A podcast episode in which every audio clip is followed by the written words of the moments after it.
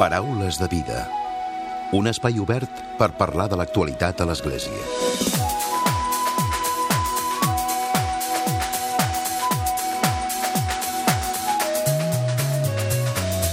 Què tal? Salutacions i molt bon dia, molt bon diumenge. El nou curs ha vingut carregat de diverses novetats editorials. A principis de setembre, el periodista, activista social i també fundador de Sonrises de Bombay, Jaume Sant Llorente, presentava, presenta el seu nou llibre.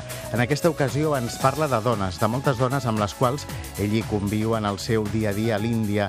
Aquest nou treball té per títol Mujeres de Bombay, la Índia de les más valientes, publicat en plataforma editorial. En aquesta ocasió ens parla de les històries que hi ha darrere de milers de dones de les comunitats, de diferents comunitats de Bombay, amb les quals la Fundació porta a terme la seva acció contra la pobresa. Històries difícils a les que les seves protagonistes fan front amb un denominador comú, el de ser lluitadores i motor de canvi per la justícia social. Elles són, en paraules de Sant Llorente, les més valentes de l'Índia. Els drets d'autor, amb la venda dels llibres, es destinaran al 100% als projectes de Sonrises de Bombay. Avui ens acompanya, ens torna a acompanyar el Paraules de Vida i de seguida els saludarem.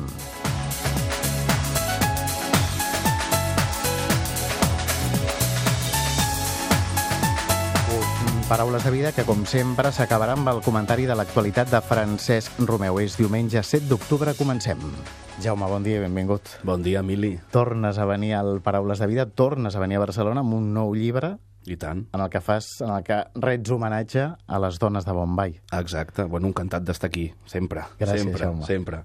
Doncs sí, és un, un llibre, eh, Mujeres de Bombay, amb el que he volgut, doncs, d'alguna manera, crec que era injust, no?, després de tants anys treballant amb tantes dones de, de Bombay, no només beneficiàries, sinó fins i tot dones de, del nostre equip, no?, eh, se'ls havia de reconèixer d'alguna manera, no?, se'ls havia de reconèixer, i, i, i aquest any tenim doncs, moltes campanyes no? pensades fins i tot doncs, eh, això, no? empoderar la dona, educar, no només educar la nena, sinó educar a tota la comunitat, que és molt important. No?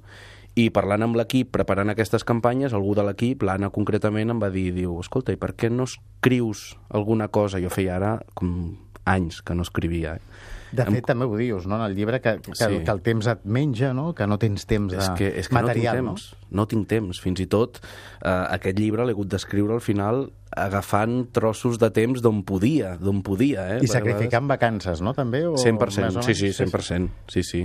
Sí, més o menys no, totalment. Totalment, no? Ho dius, ho dius. Totalment, totalment, no? Uh -huh. I, I bé, i em vaig posar a escriure aquest, aquest llibre amb el que jo mateix, fixa't que són molts anys, eh, treballant i amb les dones i projectes eh, relacionats amb l'empoderament de la dona, no?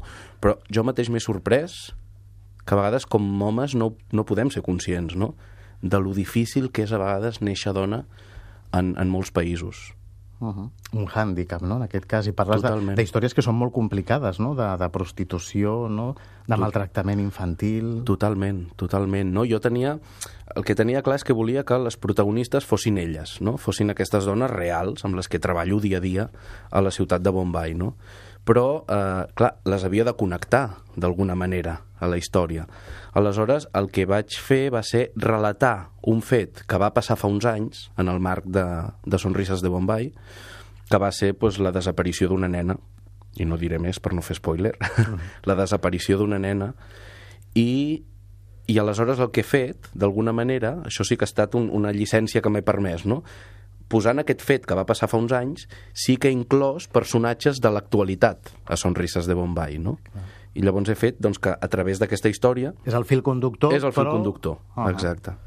I van sortint. Uh -huh. I com dèiem, històries que són complicades, que són amb nom i cognom, no?, de, de, de dones que existeixen i que hi ha aquesta història darrere, no? Nom i cognom. De fet, en el llibre només he canviat el nom de la Priyanka, que és la nena que va, que va desaparèixer, no? perquè és una menor i perquè, bueno, perquè considerava que ho havia de fer així, però els altres noms que apareixen són noms absolutament reals, absolutament reals. Uh -huh.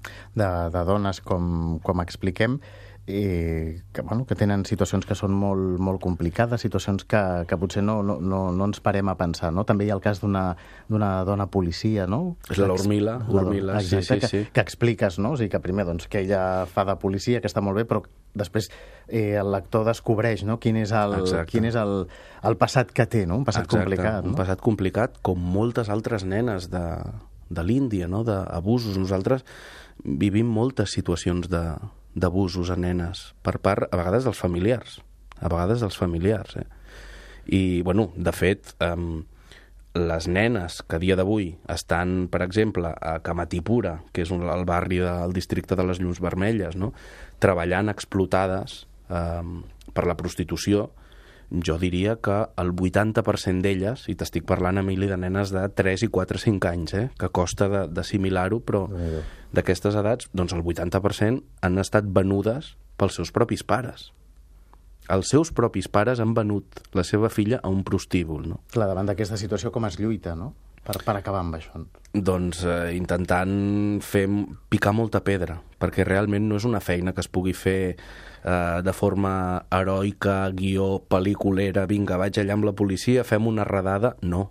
De fet, nosaltres a dia d'avui tenim, comptem amb tres parvularis on els fills, els nens, són fills de víctimes de tràfic humà és a dir, que les seves mares segueixen sent eh, no? estan eh, preses en un, en un prostíbul sent explotades, però almenys si els fills hem aconseguit eh, que rebin una educació, que ja estiguin fora d'aquest cercle, no repetim... Clar, és canviar la mentalitat, no? O sigui, perquè Clar. no arribin a fer el, el exacte, mateix.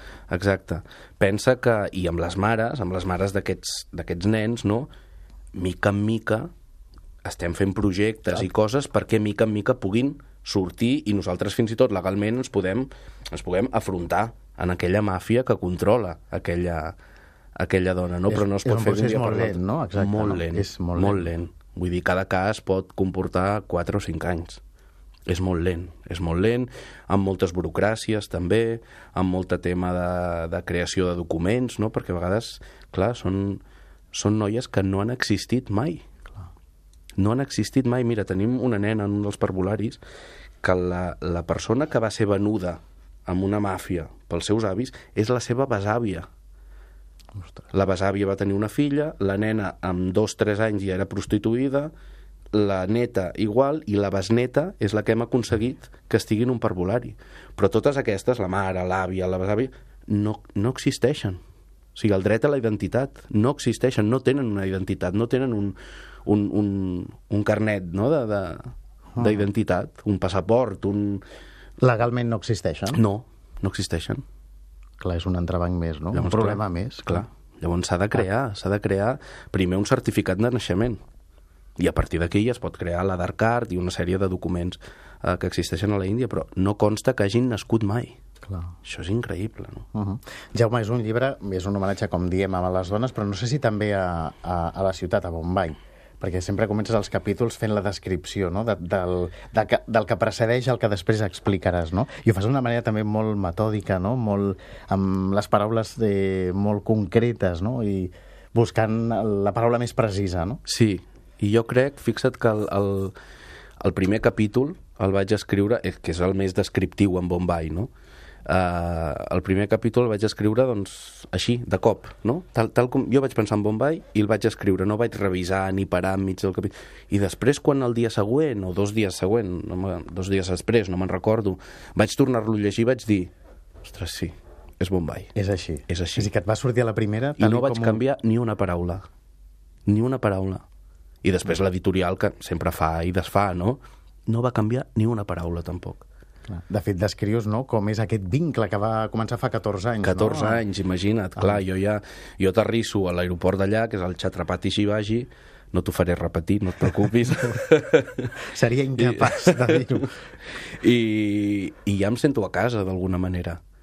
Que jo sé que he nascut a Barcelona, jo sé que la meva família és catalana, que som d'aquí, que, clar, evidentment, evidentment, no? Però clar, la sensació de quan arribo aquí... Quan aterres a Barcelona? És més neutra, és una sensació més neutra, no, no sé quina paraula utilitzar, jo crec que neutra ho defineix bastant, no? Que la que quan arribo a Bombay, que és com, ja estic a casa. Uh -huh. Aquesta propera setmana, el proper dimecres, no? És quan el proper es presenta dimecres, el llibre, sí, sí, sí. que de fet l'aforament ja està... Hem de dir que l'aforament, clar, si parlar de Jaume Senyorente és parlar d'èxit i per tant bueno, ja, ho tens, ja ho tens gairebé complet, no? Sí, complet. a més, eh, sí, està completíssim i de fet hi ha molta gent en llista d'espera des de fa temps, des de fa dies jo no m'ho esperava i crec que m'hauré de passar mitja presentació demanant perdó a la gent que, que no hagi pogut entrar, no? Però que serà la llibreria Altair el dimecres. Uh -huh. Però... En tot cas, és, també és veritat que tu ets molt actiu a les xarxes socials, Sí. que sempre estàs també molt Sí. pendent de, Sí. de les xarxes socials i que la gent et segueix i, i també Sí. veu, no? Que, que potser els hi fa il·lusió veure't, però... Clar, el jo ho és la que entenc, és, eh? no? però bueno, des d'aquí, si algú està escoltant, de debò que, que els hi prometem que intentarem que hi hagi una segona, o si no hi ha una segona, perquè me n'he de tornar a Bombay, per Sant Jordi, seguríssim, seguríssim, Que tornaràs. que estaré signant, si he d'estar fent un marató de signatures, el faré, el faré. En Jaume, com tots sabeu, és periodista, però no sé si ja la, la vessant de periodista l'has deixat més enrere per passar a ser escriptor. Jo crec que sí, jo crec que Has sí. derivat, no? Molts periodistes deriven Sí. en escriptors i en el teu cas és així també, no? Exacte, exacte. Tampoc m'han ofert res de periodista, que no, primer no tindria molt temps eh, per fer-ho, això és el primer. Però bueno, vull dir, no, Mai se sap. Mai se sap. Mai la vida sap. no es pot ser monotemàtic, que dic jo, no? Sempre s'han de tenir també altres, altres coses i s'han de seguir diversos camins. No, no es pot tenir un sol camí. Tot i com deies, no? que el, el, a l'hora de plantejar de fer el llibre també ha costat pel tema temps, no? El tema temps, és que no tinc temps. La gent no s'imagina eh, el temps que... que, que... Però ets de les, Els caps de setmana estic treballant. ets de les persones que s'anoten idees? Sempre. Sí, no? sempre tota l'estona. Jo tinc una llibreteta o unes, algunes notetes o alguna i sempre, sempre em vaig anotant coses. Sempre. Però a vegades s'ha de fer clic i deixar de pensar. No? Perquè pensar, sobretot si penses sempre en la feina, la feina, la feina, no, s'ha de desconnectar. Jo sóc conscient i, i que no, que s'ha de desconnectar més. I crec que no t'ho estic dient a tu, sinó m'ho estic dient a mi mateix. Ho diem a tots. El... I a aquestes hores del matí és important que ho diguem, això. Exacte. Jaume, parlem també de, ja que ens acompanyes avui, de Sonrises de Bombay. Mm. Ja són molts anys. Com, com, 14, està el, com està el projecte? Està consolidat, evidentment, ja funciona amb la teva supervisió, amb la teva feina diària, que és, molt, que és molta. que és més de la que la gent jo crec que es pensen, eh? Molta més, molta més. Hi ha, hi ha d'haver molt seguiment, molt seguiment perquè les coses funcionin i fins i tot a vegades tinc amics que em diuen però delega més, dic, però és que ha delego, ha delego, però a vegades s'ha d'estar sobre de moltes coses, no? pues seguim implementant projectes d'educació, de salut, de desenvolupament socioeconòmic i com et deia estem molt especialitzats en els darrers dos anys, estem començant projectes nous de tràfic, de tràfic humà, no? que és una lacra terrible, terrible a Bombay. És una de les ciutats amb, amb una de les ciutats principals del món com a destí de menors per ser utilitzats per la prostitució. I aquí esteu fent incís, ara. Estem fent molt incís a través d'aquells parvularis que et comentava. Uh, ara obrim un centre, d'aquí unes setmanes, un centre d'atenció psicològica a víctimes de, de, de tràfic humà que estan al propi Camatipura, en el districte de les Llums Vermelles, i, i estem molt enfocats cap aquí, molt enfocats, perquè creiem que és la població que dins de Bombay, que hi ha molta pobresa, però clar, la pobresa té molts nivells, no? Encara que són lleig de dir-ho, però la pobresa té nivells, també. I, i sí que hem volgut fer un, un, un... No, no, anem realment als sectors més desfavorits dins dels desfavorits, no? I estem en aquest, en aquest, en aquest camí, o fins i tot aquest any, per exemple, fa molt poc, eh, doncs hem aconseguit obrir una petita escoleta, no? tenir com un petit centre concertat amb una escola oficial que ja existeix per 60 nens que estaven al carrer treballant o pidulant. Fa dos mesos. I ara comença, van començar fa una setmana van començar l'escola. Detecteu el problema i comenceu a, ja directament a, a treballar-hi, no? Exacte. Comencem immediatament a treballar-hi, que no vol dir implementar el projecte, perquè aquests nens que et comentava, per exemple, també s'ha hagut de crear el certificat de naixement, si eren d'un altre estat, investigar en aquell estat on han nascut per, per tenir tot el tema de documentació. La burocràcia...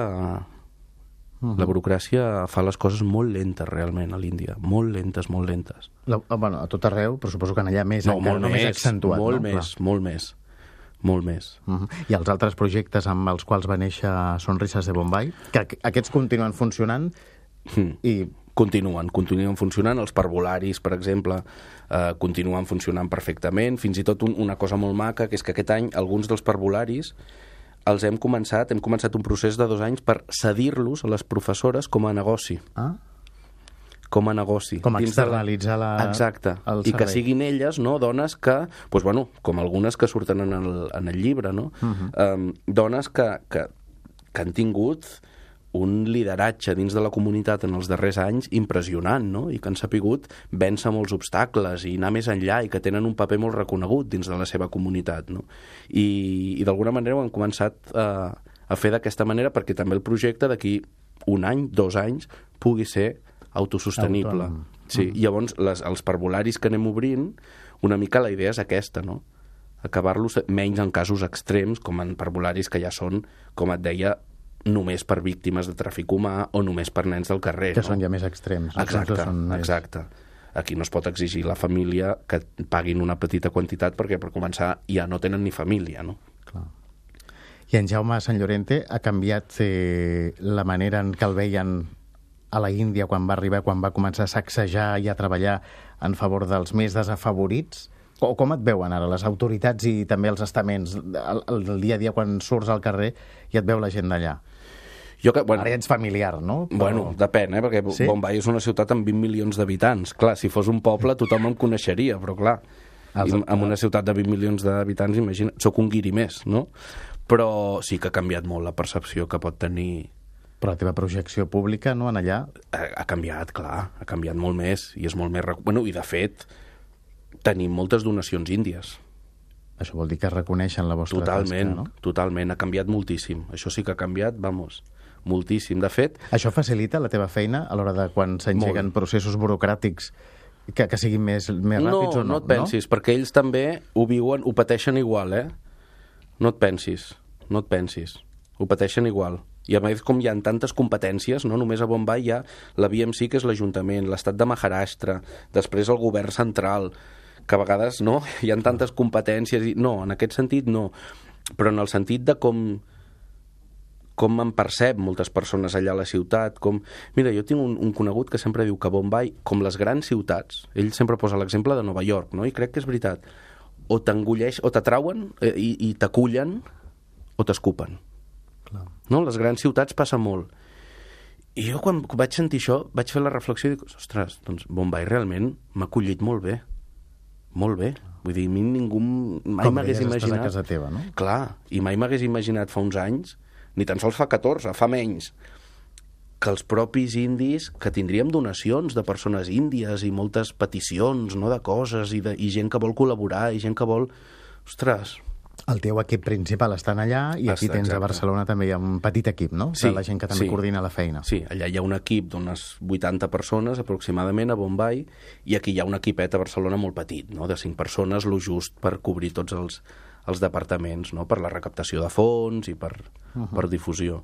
Aquests dies et trobes, i ja per acabar, Jaume, et trobes a Barcelona, però també has d'anar a Madrid a fer presentació, no? Estàs fent la promoció del llibre, Exacte, estic en plena, en plena promo. I després fent, cap allà. bolos, fent, bolos. I després cap allà un altre cop, no? I després cap allà. Després eh, de Barcelona, presentació, després ja me'n vaig a Madrid amb algun acte més i, i després a Bombay, efectivament. Uh -huh. Doncs gràcies per haver-nos acompanyat avui novament al Paraules de Vida. Gràcies, Emili. I des d'aquí als oients els recomanem aquest llibre que és 100% recomanable, el Mujeres de Bombay, La Índia de les más valientes, de Jaume Sant Llorente. Gràcies, Jaume. Gràcies, Emili. Paraules de vida amb Emili Pacheco.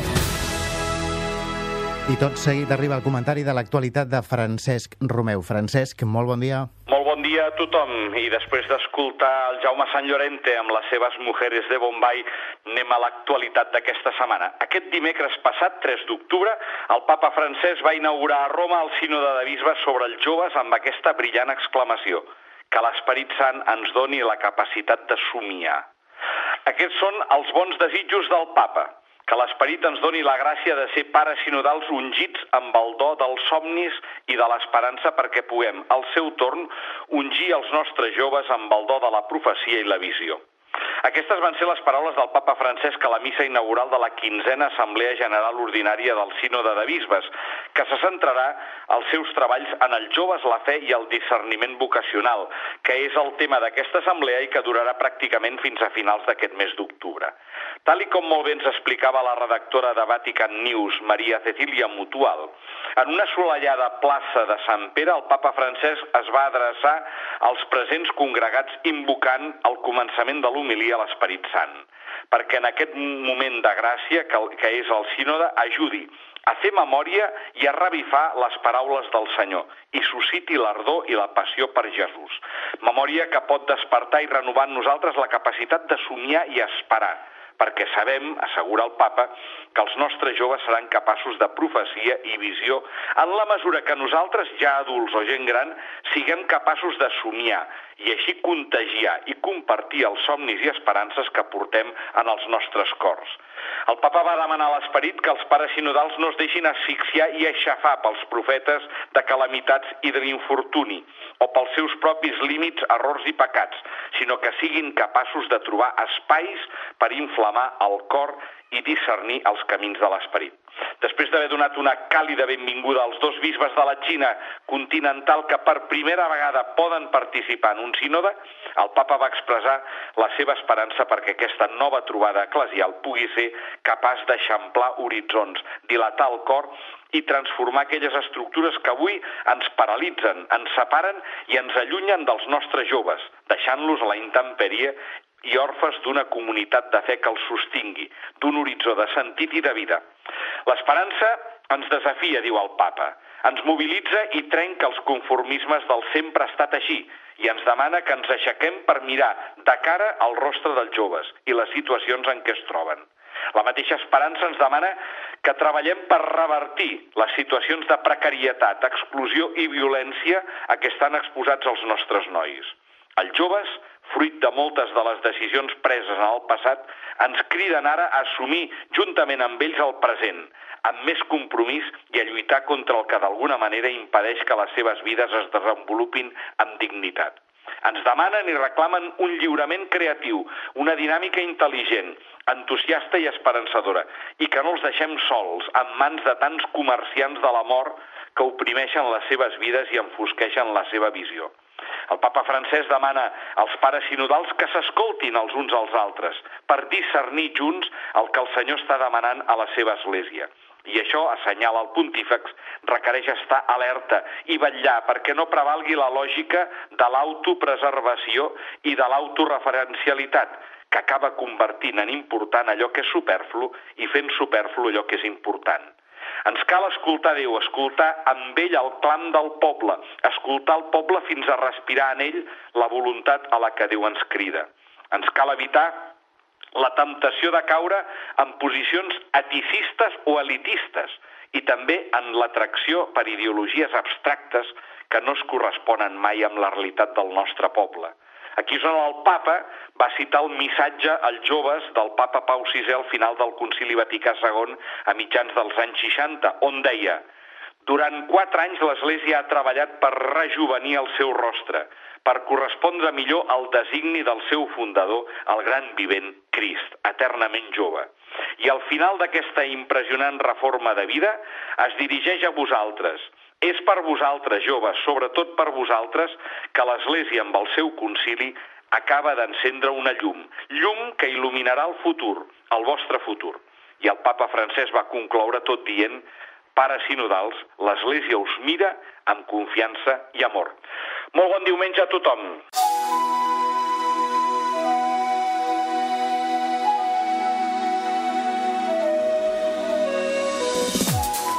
Fins aquí el Paraules de Vida d'aquesta setmana, d'aquest diumenge. En Diego Monroy ha estat el control tècnic i qui us ha parlat, l'Emili Pacheco. Que passeu bon diumenge i una molt bona setmana.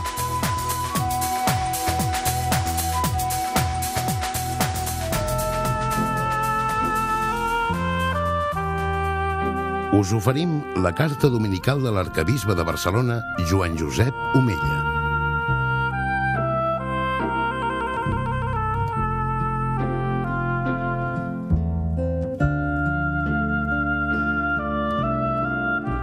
Déu vos guard.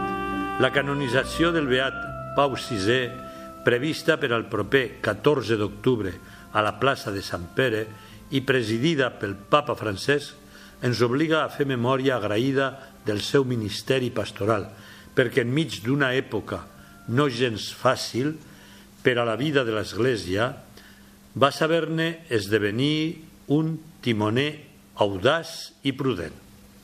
A ell li va tocar portar a terme la gran obra del Concili Vaticà II.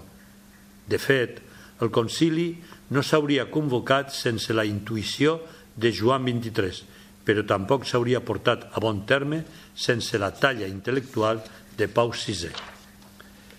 És coneguda l'especial admiració del papa Francesc pel pensament de Pau VI i així englossa especialment les darreres exhortacions escrites el 1975 Gaudete Indomino i Evangeli Nunciandi. El títol de l'exhortació programàtica del papa francès Evangeli Gaudium reuneix dues paraules d'ambdós documents. Pau VI, en els últims anys de la seva vida, va expressar que, malgrat els sofriments i la creu, l'espiritualitat pastoral culminava en el fervor i el goig. És un tema que el trobem en les cartes de Sant Pau.